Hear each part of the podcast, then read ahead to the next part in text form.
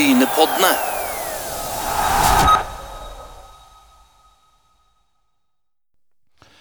Brynepoddene fortsetter å rulle i vintermånedene, og eh, i dag så har vi en gjest, en, en eldre kar, uh, Asgeir. En eldre herremann. Ja, altså han er vel i, i sin beste alder, er det ikke det de sier? Jeg ser fram til denne samtalen med Hans Olav Braut. Eh, Massevis av ting vi kan komme inn på, både fotballmessig og andre ting i samfunnet. Så dette blir gildt. Det blir det, og vi kan jo, du sier Braut fra Gandal, men jeg må vel si hjertelig velkommen Hans Olav Braut til Brynepoddene. Jo, takk for det. Ja, Asgeir, du, du er som vanlig eh, den som graver litt i, i ting og tang som Hans Olav Braut har gjort, så, så du, får, eh, du får bare kjøre i gang. Ja, altså Hans Olav. Eh, når jeg gjorde research her tidligere i dag i gamle aviser, så dukket det opp noen førsteplasser og en andreplass i 1967 i allsidig grønnsaksdyrking. Slaktegris og veving av banden fikk du andreplass. Hvor, hvor er vi henne da? Da er vi nok i 4H. Det var i den tida hodet var klart.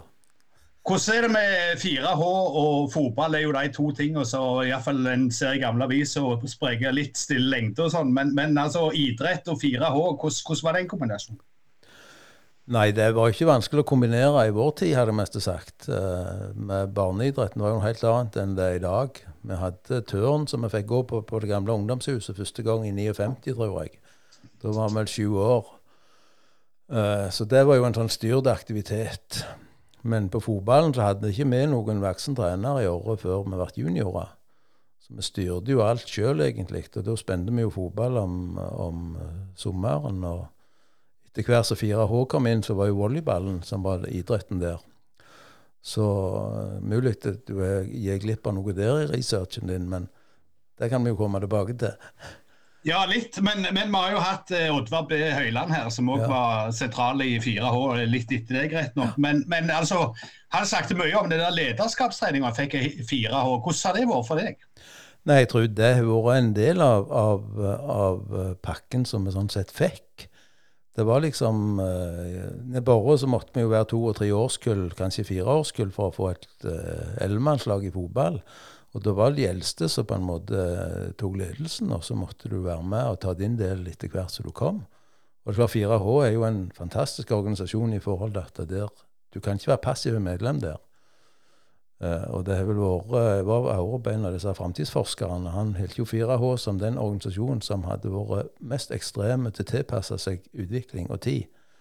Og nå må jeg jo si at jeg har fulgt litt for lite med på 4H de siste året, men, men ikke tvil om at vi lærte mye i forhold til å ta ansvar, stå fram på scenen, sånn som mye av det som skolen nå overtok. Og det var jo helt utenkelig i skolen at noen skulle stå fram og si noe som de hadde tenkt sjøl. Der sa du stort sett det som sto i boka, og viste du hadde lært det. Så, så 4H var, var på mange måter veldig bra. Vi hadde en aktiv klubb på, på Orre. Og, og klart utenom selve lagsarbeidet og oppgavene, som vi hadde både to og tre av, som du har funnet ut, så, så var det jo eh, volleyballen. Vi hadde vi hadde en avtale med Samfunnshuset at uh, vi vaste og rydda Samfunnshuset på søndags formiddag. Så fikk vi trene volleyball gratis. Og det er klart Av og til så brukte vi mer tid på vasking enn til å spille, men det var òg en del av læringen. Det var aldri noen voksne og sånn med oss. Men de eldste var 18 og 19 år, så dette, det gikk veldig bra. Og vi hadde et godt lag til slutt, som vi da gikk over i ungdomsskolen og begynte med volleyball der. Så det var egentlig starten på Klepp volleyballaget òg, i sin tid. Men eh, året etter, år etter at eh, du holdt på å si drar inn eh, seieren i Slaktegris, så, så er du eh, i Horten og, og spiller eh, på juniorkretslag sammen med kjente fotballnavn som Birk Engstrøm, Gunnar Berland, eh, Ingve Hess, for de som er Ulfolk. Eh, Svartstad var vel òg med der. Eh, Erik Johannessen i mål. Eh, kan du si litt om den begynnelsen på fotballkarrieren? For du var den eneste nesten som ikke var i en storklubb eh, på det laget. Ja, jeg var jo bare 16 år òg da, så sånn sett så var jeg ganske ung, ungkalv. Så det var litt sånn overraskende på, på mange, tror jeg, at jeg, jeg skulle få være med der. Men eh, det var jo òg en, en, en fantastisk opplevelse eh, til, til å få være med på det. Og det var jo greit det kom, da, for det året etterpå så smalt det jo i føttene og sånn, så det, det var ganske halvskrøpelig etterpå. Så det har vært på det nivået det har vært et, etter hvert. Men det var jo, det var jo en, ny opplevelse. Det hadde jo ikke vært vi satt lenger enn Egersund og spilt fotball før vi kom med på dette her, og plutselig så kom vi hele uka i Horten. jobbet med ukjente folk og, og et helt annet uh, miljø enn det vi sånn sett var vant med. Det var, det første gang vi hadde litt sånn seriøst opplegg rundt trening av kamper, noen som fortalte oss. For som sagt, vi styrte oss sjøl på året. Men, Fortell litt om hvordan det var på året når du, når du var, var ung. og ja, i, i uh, forhold til idrett og fritid og den ting. Ja, og ja. bygd. Og, ja. altså, i, i, dag er det jo en, en del hus, alltid på seg. Ja. I de tid så var det jo ikke det var, ikke, det, var ikke, det var ikke, en by, for å si det sånn. Nei, men, men tenker sånn skolestørrelsesmessig. Eh, når jeg slutta eh, rundt år to, to, eller for, 2000 på, på, skolen der nede, da mener jeg det var Til sommeren da når jeg gikk, så tror jeg det var født to eller tre i det kullet i Åresokna. Så det var jo ganske kriseaktig. Men vi var jo 30 i vårt kull. Så var, det var en del store kull, så det var jo det var mer unger, tenker jeg. Eh, og så var jo eh, altså Vi fikk jo, vi hadde jo et ungdomshus, og så ble Samfunnshuset bygd. Og så lå eh, Vigbanen. Eh, og så hadde vi jo en del kjelver som vi spente på og møttes på. På skoleplassen. Den var jo låst, så vi måtte jo krope gjennom hull i nettet hvis vi skulle være der på ettermiddagstid. Så jeg tenker den store forskjellen er egentlig den åpenheten etter hvert som, som skolen ble, og, og ble på en måte et uh, naturlig lokomotiv faktisk en periode i, i bygda der idrettslaget til slutt uh, drev både med altså tok bassengdrift, og skolen hadde full tilgang på hall osv. Så, videre. så anleggsmessig så, så ble det gjort mye på og det sto jo til disposisjon for oss. Men som sagt, aktivitetsmessig så så var det oss sjøl vi, vi, møttes og avtalte. Jeg husker første gang vi spilte fotball.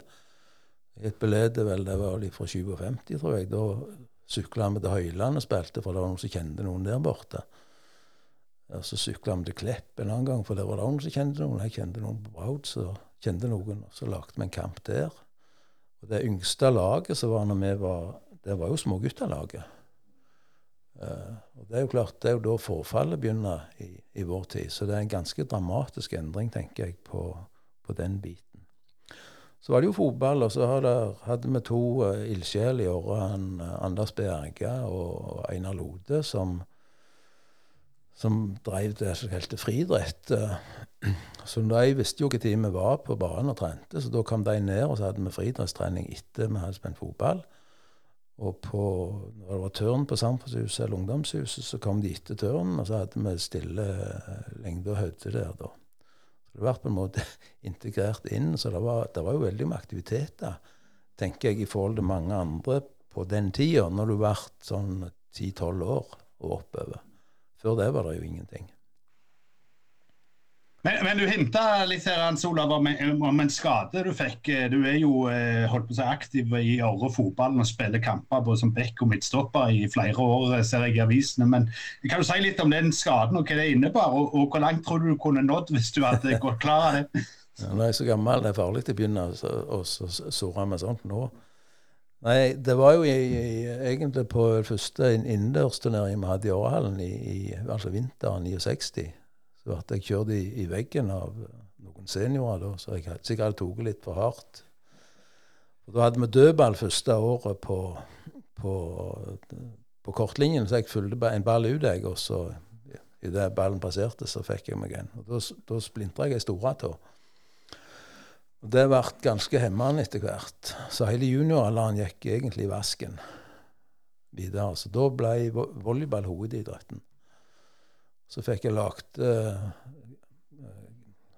Georg Bø på Sandnes lagt, uh, hadde kontakt med Adidas og, og, og Jette Gjøvik uh, skofabrikk, så jeg fikk lagt sko med vernetog greier med Adidas. Synd jeg ikke har det nå. det var en raritet. Men da, ble det mye av og på, altså. Det var, og det var jo ingen voksne rundt da heller. sånn at vi vi kinna på og, og, og, og, sprang i perioder vi ikke skulle gjort det, selvsagt. Tok det med ro og, og ble gode. Men Ulland han eh, gjorde en stiv og lovte at det skulle iallfall være mulig til, til å springe. Og det ble det jo, men jeg prøvde meg litt i Bryne noen år etterpå en hard vinter med, med sånn orienteringssko på, på grusen. Det, var, det, gikk ikke. Så, det, så etter hvert så er jo kneet og alt blitt skifta ut, så det har blitt en del skavanker. Men det er jo en fordel å skulle på en skade. Du kunne blitt god, ikke det? Ja, greit, det, ja, på en måte, men det er jo litt surt òg, da. Det er jo ikke tvil om det. Det var grevlig tøft den perioden da når du så det. Og da hadde jeg vel et uttak på landslaget. Det var landslagssamling i Årehallen bl.a. Det har vært, vært, mye tenking og kikking ned på banen. Men når du snakker om det med Årehallen, 69 var vel den første turneringa. Den hallen kom opp, var vel det, Åre var vel pionerer? Var, var, ikke det en av de første hallene? Ja, jeg tror det var Giskehallen som var før, eller nokså samtidig. Ellers var det ikke andre haller i, i, i Rogaland. Så det var en kjempepioner. Det det. Ja. Men, men, hvordan er det mulig på, på ei bygd som Åre å liksom bare få det til på det viset der? Det ser du jo i dag òg. Ja, og så klart det var noen ildsjeler. Er Tore K var jo en, en god gallionsfigur. Og så var det en enorm oppslutning på dugnad på, på, alt. Altså En bygde jo både samfunnshuset, en bygde uh, fotballbanen på Pottelyst og hallen da, på, på dugnad. Det er ikke tvil om det. og du ser Det fortsetter under den nye rehabiliteringen som har vært der nede. Det var veldig bra innsats, tror jeg. Selv om vi kommer jo litt ifra det når vi, vi ikke bor der lenger. Så. Ja. Men hvordan ser du det på den politiske? Nå hopper jeg gjerne litt i, i, i, samtalen her, men i dag så er det jo mye kommunale som bygger. Der var det bygd og så bygde og får et helt annet forhold til det. Hvordan, hvordan, ser du på det? Nei, det er klart det er jo eh, plusser og minuser med alt. Men jeg følte vel når vi var inne i, i, i RIK-systemet, altså idrettskretssystemet, der uh, den offisielle politikken skulle gå opp, alt skulle være kommunalt, alt skulle være fritt, så tenker jeg det var, det var, noen der som ikke hadde opplevd uh, plussidene med det, mulighetene der er med egne anlegg. Både i forhold til samhold og, og jobb, og ikke minst også i forhold til økonomi, og faktisk få inntekter på dette. Og det er klart Uten anlegg så hadde vi ikke hatt verken Åremesse eller Nordsjøcup eller noen verdens ting. Så. Så, så, og det tenker jeg en ser på mange av disse lagene i, i, i, Klepp og på Jæren, som er litt av det samme på Karmøyene. Mens innover så er det jo kommunalt. og, er, Det er lettere å ha aktiviteten i gang på private anlegg. Og så er det klart at det, det brukes mye energi eh, på anlegg og anleggsdrift, som da kanskje kunne vært brukt på det sportslige. Så er, det er en sånn balanseganger. Men jeg tenker det er veldig skummelt at det liksom Når en prøvde å ensrette dette Og heldigvis nå så fikk en jo ordna dette med momskompensasjon, for det var en stygg sak lenge. Det var, det var, det var dyrest, et, dyrt uh, vedtak for, for, mange klubber. Og jeg tenker Nærby gjorde jo en kjempejobb i, i den fasen der for å få det gjennom. Men du, du, nevnte så vidt det var eh, Nordsjøcupen her, eh, Hans Ove. Da må jeg skryte litt sjøl at den har jeg faktisk vært med og vunnet en gang. Eh, og det som var litt gildt med Nordsjøcupen, det var at det var sånn eh, wildcards, så det heter. At, eh, som regel så begynte den før foreldrene var på ferie. Så ofte var det mødrene som måtte være med i de innledende rundene, for fedrene var på arbeid ennå. Men hva var tanken på Nordsjøcupen, og, og hvordan utvikla det seg med, i løpet av året? Ja, det kan du si. Tanken bak Det, det begynte jo i 75. Da var det jo Tormod Steinsland som, som var i kretssystemet og, og, og ildsjeler. Så var vi en gjeng da som gikk i gang, og det var da var jo Norway Cup faktisk ganske ungt. Så det var mest et, eh, sånn I startfasen så drømte vi litt om å få en sånn uh, à la Norway Cup. Og så har de jo vokst ifra hverandre etter hvert. Men da var det jo ei uke, og det var guttelag og juniorlag i starten. Så det var, og det var jo en heftig eh, sak i forhold til Vi hadde jo både overnatting og innlosjering og mat og full pakke. Så vi, vi kjørte til Varhaug og henta kokke i femtida om morgenen og skrelte eple og alt i begynnelsen sjøl. Så det var ikke mye igjen da. Nå. Det var godt det var mye lærere da, så er det lang ferie. Og så har det jo vært vært en del etter hvert. Så begynte de å få sommerjobber. Så ble det med forfall i juniorklassen og gutteklassen. Så det er på en måte nedover i, I år og så er det jo blitt kortere. Og så er det klart, året er jo ikke noen sånn ferieperle. altså. Så. så vi er jo egentlig blitt utkonkurrerte, tenker jeg, av disse sørlandscupene. Ja, ja det, det Sørlandscupen har vel òg mest forsvunnet, men, men altså eh, ja, men, ja. men, men, altså jeg tenker liksom I, i den tida der eh, Nordsjøcupen svingte, det var vel noe av det største som var i, i, i sørfylket, iallfall med tanke på sommerturnering? Ja, jeg tror ikke det var noe som var større, iallfall. Det, det er jeg nokså sikker på. Da var det 130-40 lag. Ja. Vi bruk, sånn brukte, jo, brukte, jo, alle banene våre, og på, så hadde samarbeid med Varhaug, som brukte banen der, og på Nærland. Og dette var jo før mobiltida, så vi hadde jo mange sånn uh, artige episoder i forhold til samband og resultattjeneste og sånn noe. Så. Eh, loddtrekning på Vigebanen er jo en klassiker. Men, men, men, altså, eh, litt om, om, hva det gjorde med, med, klubben. det At dere klarte å trekke å si, de beste lagene i, i sørfylket iallfall, og, og i det senere. og da snakker jeg 80-tallet. Men, men, hva er det som gjør, tror du, at eh, sånne turneringer på en måte feider litt ut med tida? Nei, som sagt så tenker jeg det har litt med, med, med tid uh, i forhold til at, uh, hvor lenge det skal vare. Og så er det litt med fasiliteter for de som skal være med. For nå skal jo hele familiene være med. Uh, når vi var på, på Nordsjøcup, så Randaberg de første årene, de hadde jo ferien på, på året, så de lå i telt. Med, og noen kom da ut og hadde en familiekveld sammen med dem. Men nå vet du, de skal jo bo på, på likt alle. Det skal være andre fasiliteter. og så det er klart det er en kjempejobb i forhold til å ha folk eh, altså til å arrangere det fra ei så lita bygd. Det, der er, der er mange dugnadstimer på et sånt arrangement. Både før, etter og under. ja. Men, men, hvor mange snakker vi om, da? Har, husker du hvor mange dere måtte være for å arrangere det? Ja, vi var vel en eh, 10-15 i, i selve hovedkomiteen. Og så var det jo uh, vaskere, det var nattevakter, det var folk som på kjøkken, det var bane, draktvask Det var på hundrevis i løpet av uka. Men, men, har det blitt vanskeligere å, å, rigge sånne ting i dag? Du har jo kontakt med, eller har hatt kontakt med, med mange foreldre av den yngre generasjonen gjennom skoleverk og sånn. Har du sett Når går det et vannskille der i, i samfunnet, tror du? Det, det, er vanskelig å si. Så tenker jeg Altså, det er mer som krever tenker på foreldre og foreldreengasjement, så er det jo Tenk forskjellen i skoleverket. Da jeg begynte på skolen i, i, i 74, så var jo foreldre, det var to foreldremøter i året. Det var ingen, ingen møter de snakket om skole på. Det var valg av 17. mai-komiteer, så litt sånn praktisk orientering. Men uh, når, når uh, første foreldrene kom inn på en sånn lagedag, i jeg må tenke, 75, tenker jeg bare, så var det jo folk som trodde vi var spinngalne, som slepte foreldrene inn i skolen.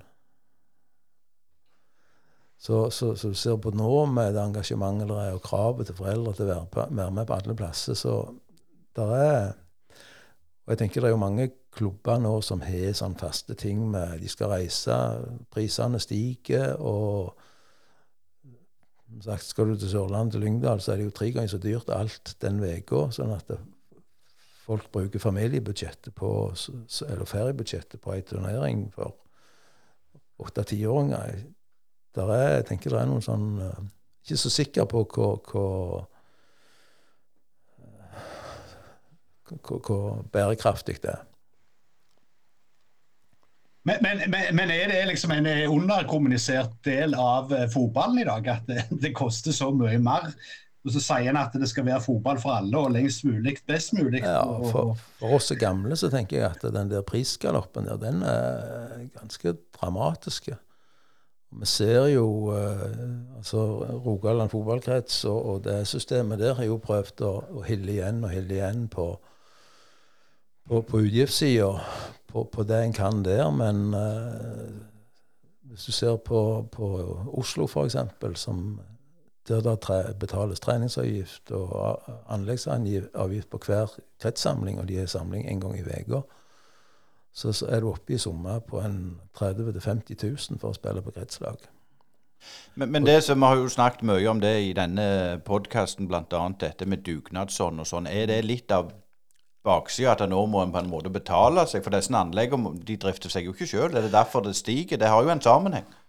Ja, eh, det, det er vanskelig å si, tenker jeg egentlig. For det er klart det, det koster å drive, og så blir det Altså det blir jo mer og mer såkalt profesjonalisert, ikke sant vel? Og så er det mer og mer så koster. Det private aktører inne.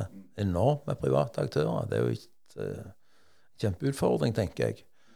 Uh, og det begynner tidligere og tidligere. Nå er det kretslagssamlinger på tolvåringer. Selv om i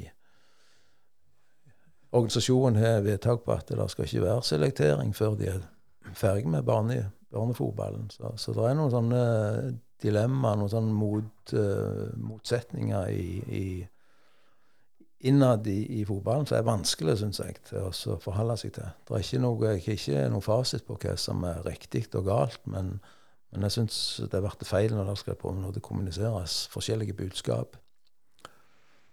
Og det gjør det nå.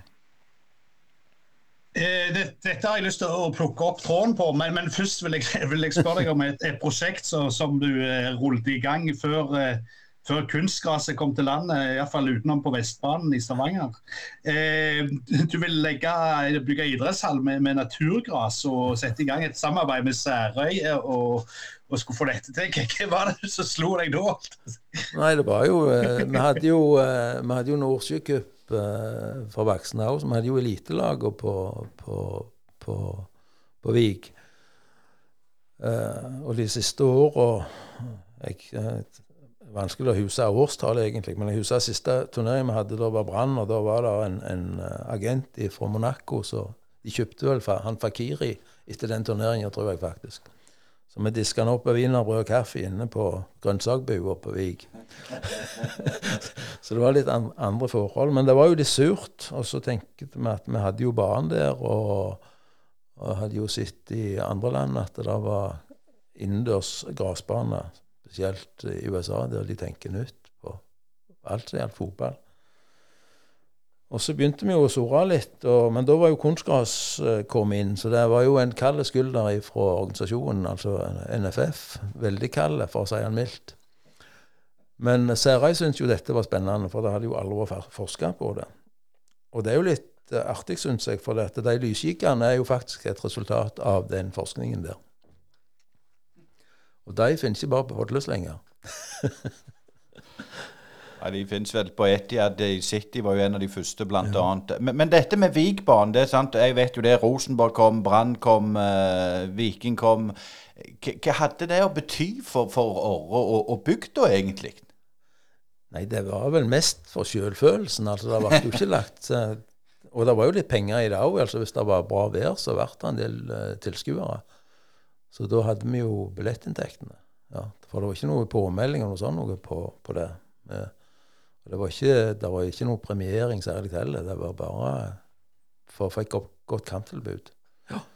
Så det var flere som kom ifra, rett fra utlandet da de siste åra og, og, og, spilte de siste kampene før seriestart.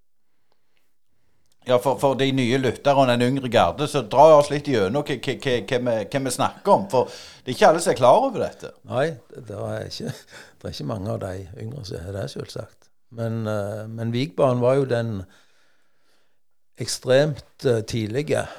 Vi har jo spilt gresskamper graskamper i februar der, på grønt gras. uh, sånn og han var veldig torr, sånn at han tålte mye. Og, så, og iallfall etter vi fikk barn på, på Podlyst, så, så betydde det ikke noe at vi kjørte den ned på, på, på, på våren. Så hadde han sommeren til å ta seg inn igjen til, til, til neste tidlig vår. Så det var jo Og, og det var jo rift om altså både Bryne og Kleppdamene og med, med, trening og alt mulig. Men så klart så kom kunstgras, var jo det innrådende. Så den er jo på en måte helt utspilt sin rolle som, som, en viktig eh, prestasjonsarena, rett og slett. Ja. Og vi syntes jo det var veldig kjekt og, og, spennende å jobbe med dette, for det ble jo ei sånn Det ble ekstra gulrot. Det var litt krumt, skal innrømme det. ja. Ja, Asgeir, jeg har vel spilt på Vigbanen. Jeg har ikke vunnet Nordsjøcupen, men jeg har spilt på Vigbanen iallfall. Ja, det var en fantastisk arena. og Livd var der fra, fra Sitkagana, som jeg vet ikke om de har hogd ned, eller hva de har. Men, men litt eh, tilbake til, til, dette livet ditt i, i skoleverket, Hans Olav. Altså, du har jo beveget litt på deg. Du er ikke av de som har vært på den samme skolen hele livet. Kan du fortelle litt om, om lærergjerning og hvordan du havna der? Ja, det, det, er som det meste det er ganske tilfeldig, tenker jeg. Det var iallfall ikke det jeg skulle vært da når jeg var ferdig med gymnas og sånn noe. Men så skjedde det ting. Far ble dårlig og døde vel da halvt år etter jeg var ferdig med gymnaset. Vi hadde jo grise og hund hjemme, så det ble liksom litt begrensa hvor, hvor, langt en kunne reise. Så tok jeg et vikariat nede på Vigrest og fant ut at det å lære, det kunne jeg godt være det. Så, så ble det sånn. Og så hadde jeg vel et tøft første år. Da fikk jeg en, en klasse på 30 elever. og var på et helt annet nivå enn det jeg hadde på en måte forventa. Så det var, det var, et tøft halvår. Så jeg tror nok hadde jeg fått kunder med da, så hadde jeg reist til Bergen og begynt på fysioterapi. Men så gikk det seg til, og det ble egentlig voldsomt greit. Så jeg hadde jo den klassen i åtte år da. Og det er jo faktisk noen av de som blitt ganske gode fotballspillere òg, så det er jo litt kjekt. Har du noen navn til, til, å dele med oss? Ja, Leif Rune gikk jo der, f.eks. Salte. Akkurat. Men, men, kan du si litt om, om endringene? Altså, de, du, du, beveger jo på deg eh, Jeg så du var fritidsleder i Klepp en periode, der du kunne velge mellom Time og Klepp og Velde Klepp. Eh, så har du jo rektor på ulike skoler. altså hvilke endringer har det skjedd i skolen de årene du har vært der, og, og, og hva syns du er positivt, og hva syns du er mindre bra? Oi. Ja, det kunne, kunne sittet en stund med det. Det har skjedd ufattelig mye, tenker jeg, i, i, i skolen. Altså når, vi, når, jeg begynte, så var Jeg kalte de jo sånn privatpraktiserende lærer. For dette, det var jo alt etter hvilken lærer du hadde, hvilken skole du fikk. Og fra klasserom til klasserom så var det helt forskjellige ting som foregikk. Så skulle vi prøve å innføre enhetsskole og, og den biten. Og som, du, som vi snakket om tidligere, i forhold til dette med foreldreengasjement og sånn noe, det var jo det var mest fraværende i forhold til at vi, vi snakket jo med foreldre, men jeg tenker de første foreldresamtalene jeg hadde, det var med kassen på, på Handelkløypa på Podlyst eller på bingo på Podlyst eller noe sånt. Noe. Og det var ikke noe organisert. Eh, og selvsagt på fotballbanen og der du trefte de.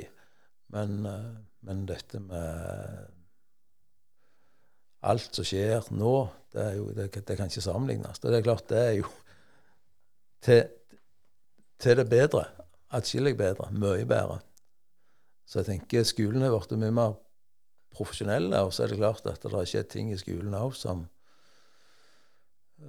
både rent sånn skolepolitisk og, og alle disse rettighetslovene som vi har i Norge, som er umulige å gjennomføre i praksis hvis du går helt i kritet på dem. Det er jo et dilemma, tenker jeg. Det at alle har rett til tilpassa tilpasset opplæring, f.eks. Det er jo en, et interessant tema, så det er sikkert veldig mye mer interessant framover i i rettssystemet. Og så gjør det vanskelig, tenker jeg, til, til sitte som, som leder i skoleverket. Det ble iallfall det for meg. Og ellers er det klart eh, samfunnet og kultur og altså oppdragelse Alt det har jo endra seg eh, formidabelt. Når, eh, når, jeg begynte som lærer, så var det fremdeles klasserom der de sto med svampen på, på, på hodet attmed tavla, eller de hadde ark på nesen så de måtte holde oppe på. Så, så, så, det er ting som du på en måte er sånn forhistorisk, men, men, men, det fantes, og heldigvis er sånn helt vekke nå. Og så er det jo med alle pendelsvinger, av og til svinger det kanskje litt for langt for dette. Nå, nå brukes det mye tid på andre ting enn det som er med læring og fag å gjøre, iallfall. Det er helt sikkert. Så den sosiale læringen og, og jeg så den siste perioden jeg var som, som lærer sjøl. Den tida du bruker på alle sånne små ting som skjer, som, som, som før hadde, Det hadde ikke vært en sak engang. Altså, at du får en ball i nesen i en friminutt, f.eks. At det, det vært et stort problem der det involveres foreldre og full pakke for Så jeg sa vel det som fotballtrener, så jeg sett så mange at hvis de er så visse at de treffer nesen, da er de et talent langt utenfor det som jeg har vært borti noen gang. Men dette med, med skolen og, og, og, som en sosial arena, for du har jo jobba i skoleverk, så har du hatt frivillige verv og gjort en, en voldsom jobb der. Har den sosiale arenaen på skolen endra seg gjennom de ting? Ja, det tenker jeg i, i forhold til at skolen har blitt mye mer åpen. Altså Som sagt, når jeg var unge, så, så var det, da var det fire H som hadde adgang til skolen. Ellers var det den var hermetisk lukte for alt utenom på kveldstid og ettermiddagstid. Mens uh, i dag så er jo det totalt forandra, både med i forhold til at det er samlinger for elever, det, organisasjonene bruker det, og så, så åpenheten er, er, en helt annen. Pluss at selv undervisningen har jo blitt veldig endra i forhold til dette med presentasjoner og engasjement og lage ting og kreativitet og sånn. Det er enorme muligheter i dag som blir brukt, og som gir folk mulighet. Men om de er så mye mer eh, Altså i forhold til, til samhandling og, og, den sosiale biten, så tenker jeg det aldri vært mer utfordringer på det heller. Om det er fordi at folk alle skal kunne gjøre sånn som det passer meg her og nå, eller om det er noe helt annet. Det er vanskelig å si. Men jeg tenker det er noen pendler som ofte svinger litt for langt. Men det faktum at det har blitt eh, obligatorisk 13 år med skole òg eh, Du har vel vært mest i småskolen, men, men altså eh, hvordan er det der med det der skoleleie? holdt jeg på å si, Før så kunne de gå for seg en jobb når de var 15 ca. og så ture på innen å bygge seg opp den veien. Har en lukka det litt for mye for de som, som som har et talent som ligger litt utenfor skolebenken, kanskje. Eller, eller bare for å skryte inn eller så farmen som reiste til Skjøts? For eksempel, ja. Ja, jeg er ikke i tvil om det. Altså, det har vært dramatisk. jeg tenker, Og det er der jeg har vært litt skuffa av vår generasjon, som på en måte Og, og yngre òg. Altså mange, mange som sitter rundt i, i ledende stillinger i dag, som egentlig burde huske hvor skolen var, og hva som har vært viktig for dem. For det noe, men det er litt sånn uh, altså Det, er jo, det har blitt sånn et uh, vitnemålshysteri, altså en papirhysteri. Det er jo vekttall og mastergrad og sånn som betyr noe. Realkompetanse det er jo ikke verdt uh, en skit lenger. Og det tenker jeg er kjempeskummelt. Og den dagen hele realkompetansen forsvinner, så hjelper det ikke med all slags papir. Det var så skomakeren på Podle sa det hjelper ikke om de har mye ved hvis det ikke er godt.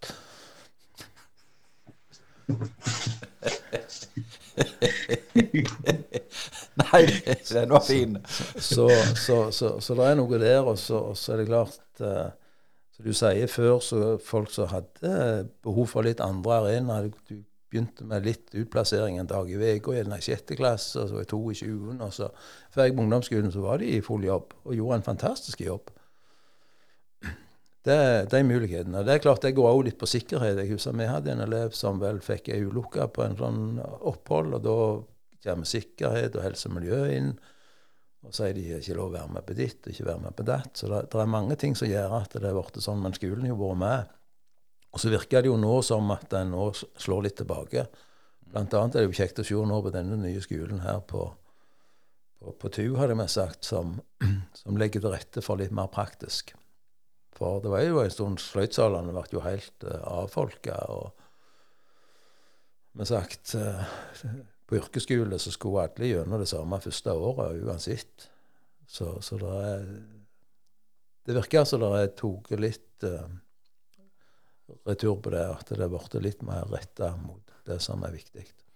Eh, når vi snakker om det som er viktig, så er det jo selvfølgelig fotball og idrett. Det er veldig viktig. Og, og, og når, vi, når vi drev litt research på, på det, kanskje, Olav, så ser jeg at jeg har faktisk eh, du prøvde å passe på meg når vi var på Knapen. Du var lærer på Orre og jeg på Engelsvoll. Og da ser jeg her at, at du har skrevet en, en, en autograf til, til, meg i 1989, der du var, var Bryne sin keepertrener. Og, og Fortell litt om, om, om hvorfor, og, og, og, hvordan kom du inn i, i Bryne-miljøet?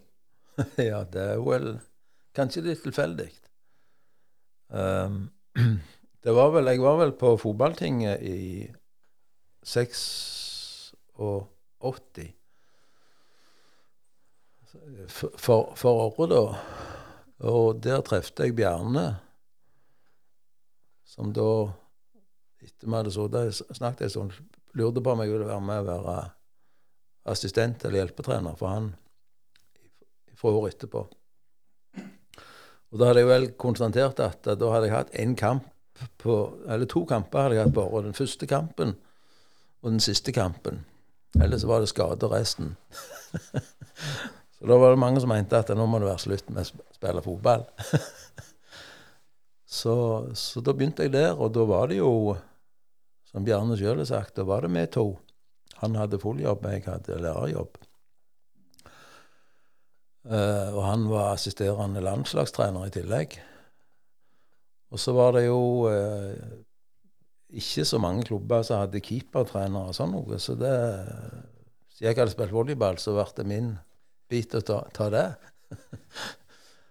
og så hadde jo Skauen begynt i, i, Stavanger med noe trening, så vi gjorde avtale med han. Så jeg var med han når han holdt på med Erik og, og Søren i gamle stadionhallen på, i Stavanger.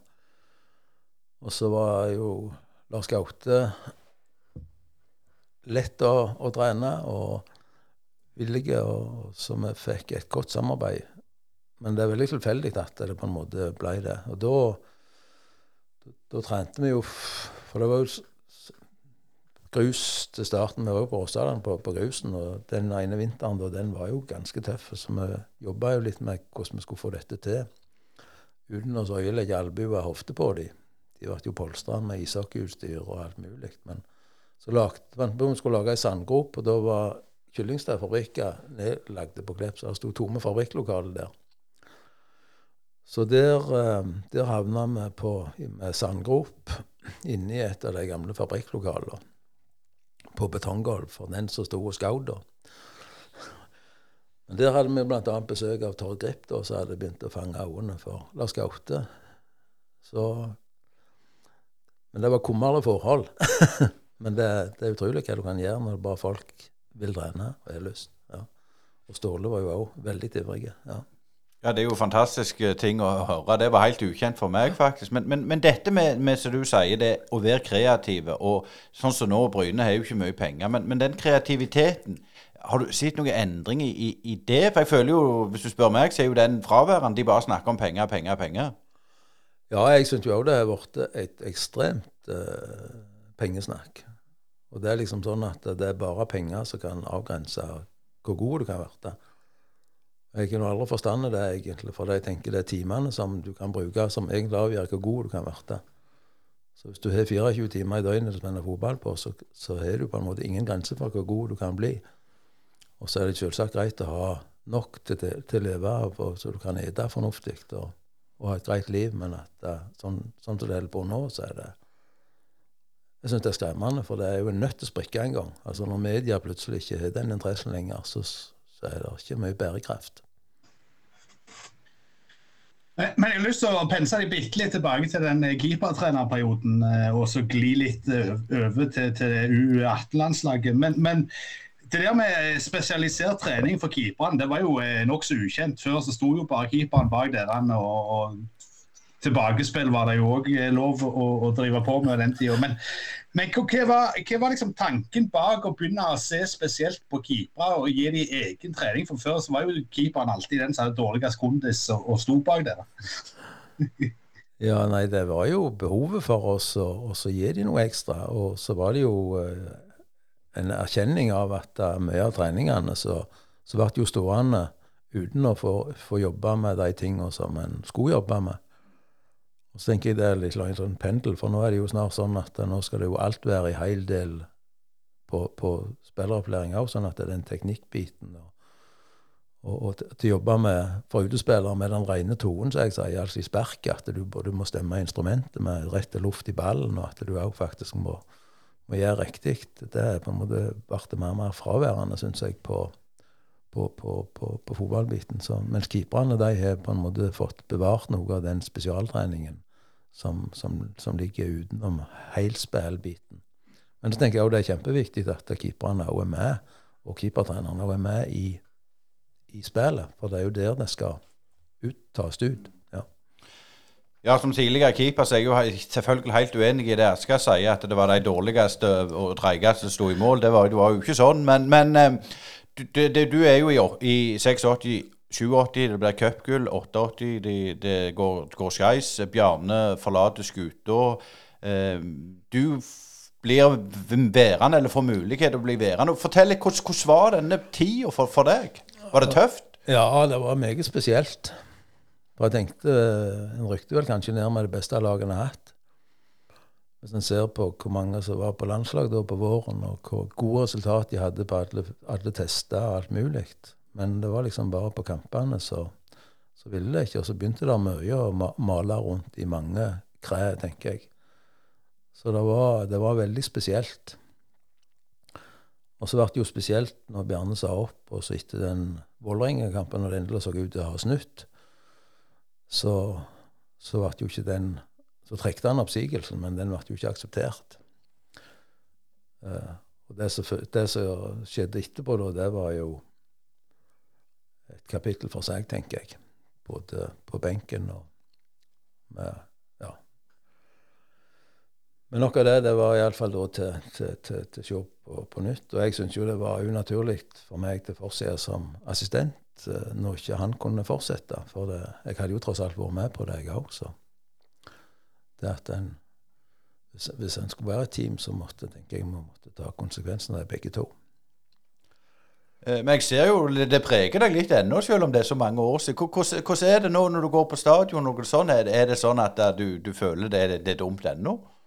Nei, det er ikke, ikke Nei, det har aldri vært på en måte tanken. Det er bare sånn som, som det er. Så tenker jeg Det er så lett. Altså, prestasjoner er, er, ganske komplekst. Det er ikke bare det som er på trening, og, og hva som skjer på, på, treningsfeltet. Det er mange, det er mange syke, sykevegger og, og speiler som, som, er med og, og gir kampresultatet til slutt. Det er jo det som gjør fotballen så spennende òg, da. Mm. For det, er ikke, det er ikke alltid logisk. Nei. Men, men Hans Olav, når du da nedrykket kom i 88, hadde du sett for deg at det var på en måte slutten på en æra som Bryne som, som topp fem-klubb i, i, landet? Eller trodde du at det, eh, dette kan vi fikse i etterkant? Nei, det, det, var jo veldig usikker, for det var jo alt, alt etter hva som kom til å, å, å, skje. ikke sant vel? Altså, For det var jo litt av det som, som, er utfordringen alltid når du skal være på toppen, så var det jo ikke så veldig mange med Bryne-tilknytning, egentlig. Uh, og klart en del av de som var både lokale og alt, de forsvant jo òg.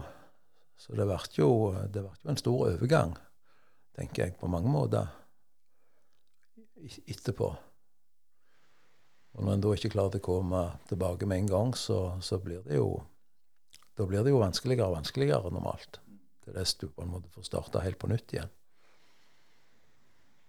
Men det er klart en hadde altså Det er mulig en hadde da den, den posisjonen en hadde i, i norsk fotball, den, den, tror jeg nok det skal være vanskelig til, til gjen, gjenvinne. For det var jo først på veldig mange ting.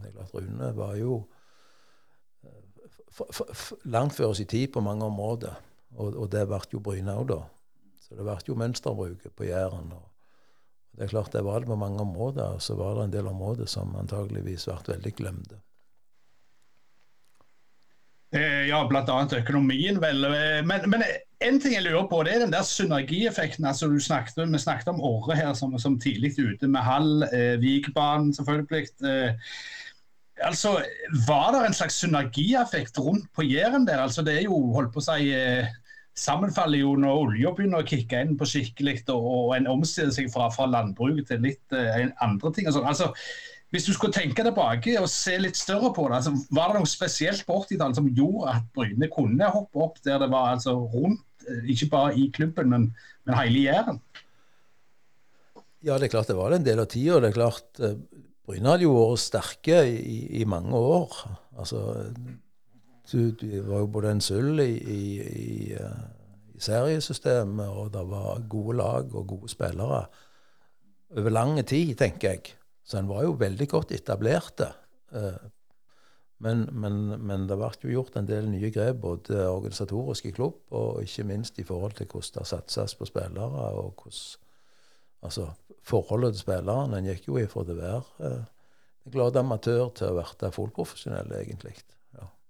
Og litt av utfordringen var jo da når den biten kom for dette. Mange hadde jo jobba, og treningsmengden ble økt som en ikke skulle jobbe så mye. Så det var nok mange ting som ikke var tok eh, skikkelig høyde for. Men når du ser tilbake til nå, skjedde de endringene for fort?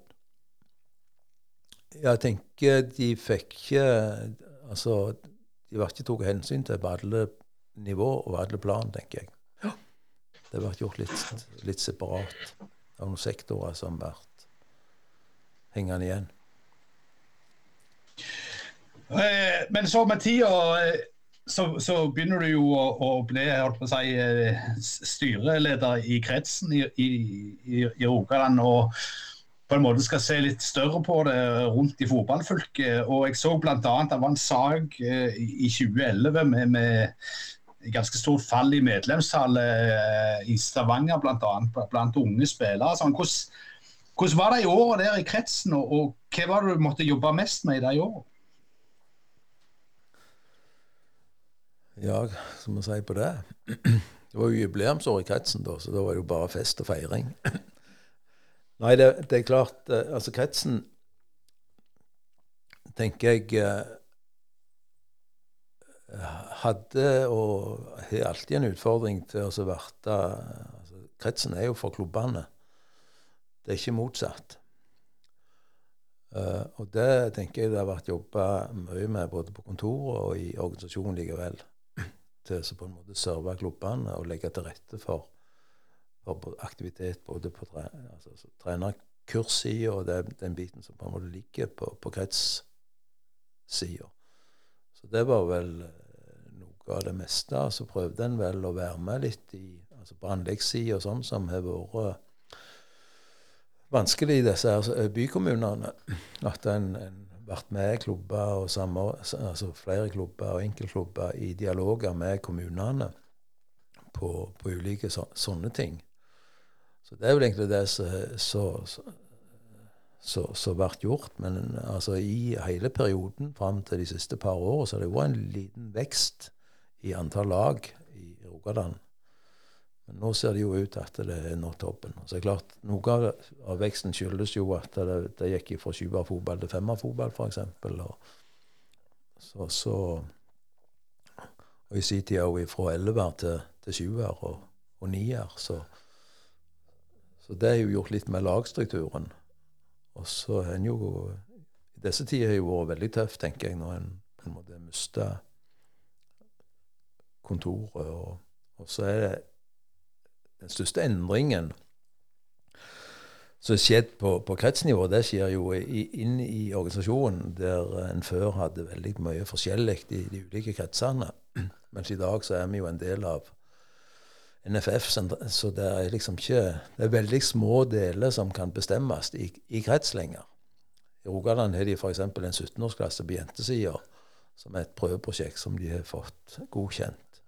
Men alt alle disse stjernepunktene i, i kampreglementet som før ga litt debatter på ting og sånn noe, det er vekttatt. Så det er veldig få beslutningsvalg på kretsnivå. Det blir mer og mer sentralt. Og så tenker jeg hvis en da kommer til hen som det jobbes med å få til at det blir bare indirekte representasjon på ting òg, så, så, er jeg litt redd at vi gå i samme fella som idrettskretsen, tenker jeg er gjort. Altså NIF-linja, der det ikke er direkte representasjon ifra, ifra klubbene. At den ikke er mulighet engang. Så, så det er klart mye av den biten på, på krets er jo eh, sånn sett politisk til å være med i de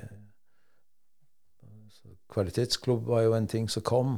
Så det jobbes veldig mye med. Jeg tenker det har vært veldig mye bra ting som har blitt lagd i forhold til sport. Både på trenersida og utvalg med landslagsskole og, og denne eh, skoleringsplanen sånn som er, som er lagd og ligger. Og så er det klart Utfordringen der òg er å få det fra, fra, ord til handling. At det ikke blir bare fine planer i klubbene, men at det faktisk får konsekvenser for det som skjer på banen med unger og voksne. Men er det, er det, en liten utfordring der, som, som eh, holdt på å si, det, det kan også se, se, litt av i skoleverket, at en, en, en strømlinjeform det inn i en mal, og hvis du er innenfor den malen så, og, og, er såkalt uh, dønn vadder eller A4, så er det greit, men hvis du er outliner enten på, på topp eller på bånn, så, så, faller du litt utfor. Har, har fotballen et problem med det òg? Ja, det er helt klart en utfordring, tenker jeg. For at du, eh, engasjementet og og, og lokalstyringen for den slags skole, altså at du føler du kan, kan beslutte noe og gjøre noe, det, det er klart det det har endra seg voldsomt. Så for en, en ting så på spillerutvikling, f.eks., der en nå føler landslagsskolen slavisk Vi kjørte jo ganske forskjellig på gutta- og jentesida med tidligere, f.eks. Uh, og så er det jo toppklubbene som kommer mer og mer inn. Så det er jo norsk toppfotball som tenker jeg styrer mye av, av av spillerutviklingspolitikken. Og så har en på en måte ikke tatt det inn over seg, sånn at det er nå to politikker egentlig som, som, går. Den ene har penger og makt og, vært gjennomført, og den andre den tida lier. Eller iallfall tider. Eh, nå, nå, snakker vi litt om, om, om ø, ø, vest og øst, du tenker på NFF i Oslo. Men, men så, er det noe sånn som du har opplevd forskjell på, på kulturen i nord- og, nord og sørfylket i Rogaland? Ja, er, jeg tenker ikke eh, Om det er fotballmessig, jeg tror ikke det er noe særlig forskjell. Men en regner jo at det, er kulturforskjeller i, altså på nord og i byen og på Jæren og i Dalane. Så det er jo litt, litt, forskjeller, tenker jeg, i forhold til kulturer. Men det er jo mer folk enn det er områder, tror jeg, som, som er litt forskjellige. Jeg tenker, Er det en utfordring at du har Rokka by, du har Sandnes, har kommet en aktør nå, du har, du har Jæren, du, du, har eh, Stavanger, du har Haugesund. Altså, Klarer på en måte regionen tenke vest inn mot Oslo? For det, vi, vi, liker jo og tror at det, Oslo de skal ikke styre over oss. Det jo, ja. Sånn har det jo liksom vært. Ja, det tenker jeg. Men, men det, det, tror jeg en, en, skal ha. Altså, Det har jo skjedd mye i NFF sentralt òg. Altså, det er jo veldig mye gode folk som sitter der, og som òg har organisasjonskunnskap og har dialog med, med, Så det har aldri vært bedre dialog, tenker jeg, med kretsene og, og sentralt enn det er i dag. Men alt besluttes jo til sjuende og sist sentralt, da. Men det er etter, etter dialog. altså Alle kretsledere er jo med i breddekomiteen, eller kretslederkomiteen. Og eh, sånn personalmessig så er jo alle ansatte i NFF sentralt, og det er folk ute, og de har dialog med sine. Jeg tenker når jeg eh, begynte i kretsen, så så, så de eh, for seg sjøl, hadde jeg mest sagt. Og, og, og, og, kjørte sine løp. På godt og vondt, også, selvsagt. Men, men, det er klart det har blitt mye mer eh, Altså det er mer proft i forhold til det, og det er òg større mulighet i dialog. Det er mye mer kontakt enn det har vært noen ganger. Jeg ser de ansatte er jo inne sentralt veldig ofte, egentlig, i forhold til både skolering og i forhold til opplegg på kurs og endringer, justeringer osv. Så, videre. så de er, de er mye med i, i de dialogene. Så jeg tenker den der eh, polariseringen som det sikkert var mye mer av før, den, den er i ferd med å forsvinne. Men så har vi jo eh, inne på positive og negative ting. altså så Ressurser kan jo gjøre noe overalt. Og jeg fant faktisk et ganske artig bilde i eh, fotball, altså historien om idrettslaget Runar av alle ting. Der du er avbilda sammen med en G18-landslagsgjeng, eh, bl.a. en ung Jon Arne Riise. Kan du fortelle litt hvordan du havna inn i landslagssystemet, og, og litt om den erfaringa der? Ja, det er vel òg ganske tilfeldig, egentlig. Vi var jo i, eh, veldig ofte i, i Porsgrunn på disse talentleirene. Det var begynte vel etter jeg hadde hatt noen kretslag og noe her. Og etter ha vært keepertrener i Bryne, så var, det, var jeg keepertrener på de samlingene. Og så begynte det da å snakkes om at det skulle, skulle vært keepertrener på alle landslagene. Og det er jo en det synes jeg er jo en artig historie, da, for da var vi vel seks-åtte stykk der borte da, som skulle ha uttak. Så vi skulle være med. Det var 79-modellene med Espen Johnsen og Kenneth Høie og, og, gjengen. Et vanvittig godt kull på keepere.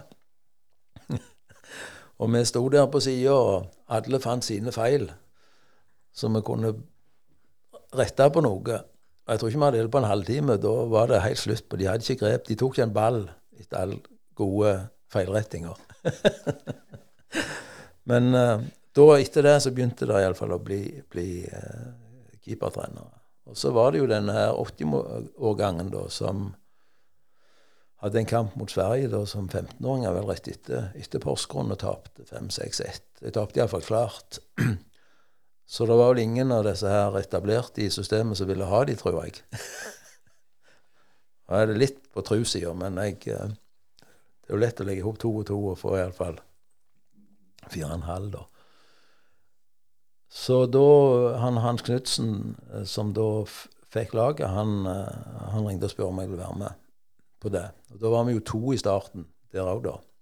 Så det, da hadde jeg forsvar og og, og keeperbiten. Så sånn begynte det. Så vi begynte med de da de var 16, og så hadde vi den siste kampen når de var 19. Eh, det er litt sånn artig å høre på det. Du, du, liksom det, det, er sånn tilfeldig. Du tar litt enkelt på det, men, men, du har jo hatt en enorm kompetanse på dette her. Ja, det kan få andre diskutere, men vi har vært med på det. Vi har iallfall prøvd å finne muligheter og se på ting som vi skal gjøre, og, og få ting til å gå. Ja. Men, men, det er jo utøverne sjøl som gjør det. Jo, jo, det er det jo. Men med god coaching fra, fra Hans Olav Braut, så, så, hjelper det jo selvfølgelig. Men, men det som jeg har lyst til litt avslutningsvis her, komme inn på dette med sånn akademiklassifisering. Altså, når du spilte på Åre, så var det ikke det, for å si det sånn. Men, men, men klarer du å se at det er positivt, eller tenker du at det er litt sånn obs, obs med all denne her eh, stjerne, og, og at det er toppklubbene det er rigga for? Jeg tenker det er veldig obs, obs. For jeg har jo tro på at det, det, det, er hva du gjør, ikke hvor du gjør det, tenker jeg, som betyr noe. Og så er det klart eh, altså, Og det har litt med hva tid det skal skje. Så sikkert har vært tidligere. Så jeg, er jo veldig skeptisk til den her ekstremt tidlige selekteringen. Uh, og jeg tenker det er dårlig statistikk. Uh, vi har mange gode eksempel trenger ikke gå lenger enn her til Bryne med, med 99-2000-årgangen, der man prøver å holde folk samla, gir mulighet for alle samla. Gir ofte gode resultater, og det gir ofte mange som spiller fotball. Så jeg tenker det er ikke noe motsetning i det. Men, eh, men den, den, tidlige silinga, den eh, tidlige spesialiseringen eh, det sier iallfall veldig krav til treningene som foregår, at de er såpass allsidige at de, du unngår alle disse her belastningsskadene der som kommer pga. at det ikke er balanse i, i styrke og motorikk. Men jeg bare tenker det, nå, nå, skal, nå har jeg spilt sjøl på Klepe, Orre er òg nede i divisjonene for, for, nå snakker jo sånn som Bryne, f.eks. Jeg snakker jo de skal ha bredde òg. Men, men, er, det ikke, er det ikke naturlig da at Åre der er det ikke så, så, nøye, og de som vil noe, de går til toppklubbene? Eh, altså, Hvordan ser du på det? Skal, skal liksom alle eh, av og til så føler jeg at ja, nå skal vi satse, nå skal vi få inn penger, og så, og så, og så blir det bare cola.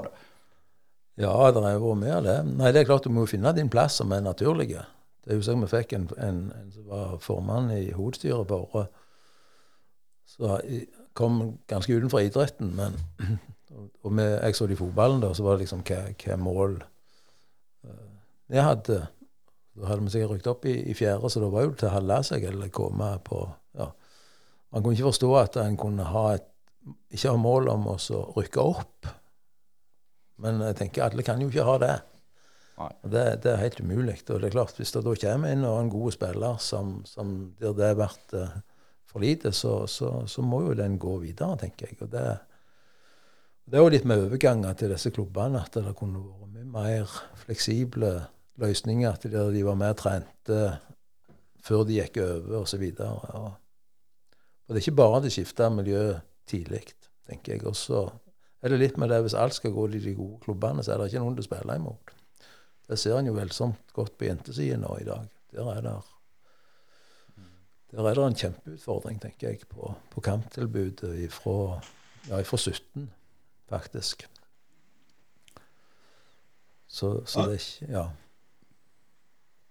Nei, jeg, tenkte litt avslutningsvis. altså To ting. Det ene er jo det at eh, publikum ser ut til å bli gråere og gråere, de som gidder å gå på kamper, for å si det sånn. og det andre er liksom eh, tanker rundt Bryne, som nå har vært nede på nivå tre noen sesonger og rykket opp igjen og klart seg da i fjor. Men, men tror du det var bra for Bryne å, å få den der i fleisen og, og kjenne på hva, hva, resultatet kan bli? Ja det, ja det, vet jeg ikke om det er bra for noen, egentlig. Men, men det er jo sånn så, så Jeg tenker det er så livet likevel. Du får noen på trynet av og til. Uh, og så er det da om du lærer av det om du, om du finner de rette tingene. Det, det, det er jo ikke gitt i det hele. Altså tenker jeg, Det er ikke noe fasit. Så jeg tror Tønes er veldig rett at det, det, er mange måter å koke på. Du må finne din måte. Og så må du ha tro på det du gjør, og, og, det må være på en måte konsistent. Og det må være ærlig og redelig. Det tror jeg er, er, er, det viktigste. Og så er det klart, hvis du tenker på hvordan fotballen har utvikla seg i forhold til fysisk og kapasitetsmessig og løpsmessig, det er jo, eh, det er jo hinsides, tenker jeg, på de siste 10-15 åra. Eh, det var utrolig kjekt å snakke med deg, Hans Olav Braut. Men må jo spørre deg, har du kontakt med Bjarne i dag? Eh, ikke veldig mye, men jeg har jo kontakt når vi treffes, for å si det sånn. ja. Så han har jo vært, vært aktiv i fotballen, og er fremdeles hele veien, så, så vi møtes sakte. Vi må jo ta et lite rådtips der. Hvordan, du skal få to, to klubber du skal, du skal tippe. Det er Sandnes og Bryne. Hvordan, kommer det til å gå? Nei, Jeg håper jo Bryne klarer, klarer seg fast. Og Sandnes, der har vi jo trøtt mange ganger at nå kommer de. Men så jeg, ikke, jeg tenker det blir sånn middel, middelhavs i år òg. Jeg er redd det. Men det blir ikke, det, du blir ikke keepertrener med Bjarne her? Nei, jeg har ikke hørt noe. det var utrolig stas å ha deg på besøk i Brynepodden. Eh, Hans Olav Brakk, tusen hjertelig takk for du tok deg tid å, å være med oss. Brynepoddene de fortsetter litt grann til. Vi må jo ha en, en verdig avslutning på en verdig gjest i, i eh, Hans Olav Braut der, Asker. Eh, virkelig en, en, en, kar som har uh, dedikert sitt, sitt liv til, til, både fotball og frivillighet. Og, og, det er ikke så mange av dem igjen, dessverre. Nei, det er ikke det. Det er jo eh, som jeg eh, sa etter vi var lagt på røyr, så har vi jo svikta litt der. Eh, vår generasjon. Det, vi har ikke tatt opp den samme hansken. og det er jo spørsmålet hvorfor. Det finnes eh, selvsagt unntak, men, men eh, det er mange som betaler seg vekk fra dugnaden. Det er det. Og hvis du vil betale oss litt for uh, Hvis du likte denne poden her, så er det jo mulig å støtte oss på VIPS på VIPS nummer 610828. 610828. Det setter vi pris på, for da kan vi utvikle podden. Og vi må jo skryte over den flotte hjemmesida vi har fått i Brynepodden. .podbean.com, Asgeir. Og, og, så har vi jo litt sånn uh, krydder på, på våre sosiale plattformer i tillegg. Vi prøver så godt vi kan. Eh, ligger litt eh, kanskje på etterskudd, men vi, deiser på når vi har anledning. Så vi, vi lager litt eh, nå og da. og prøver å få det til å gå mer og mer normalt. Men det skjer jo ikke alltid så mye utenfor sesong, Øystein. Nei, det gjør ikke det. Men det som er gysla kjekt nå, det, det er at det, det, går mot lysere tider. Det blir lysere på kveldene, og, og fotballsesongen nærmer seg. Så det er mye kjekt i, i framtida der, der framme. Ja, Det er jo bare knapt ni måneder igjen nå til, til det blir det mørkeste tida på året, så dette ser vi fram til. Det gjør vi. og Tusen takk for at du hørte på Brynepoddene, og god jul til deg, Asker. Brynepoddene.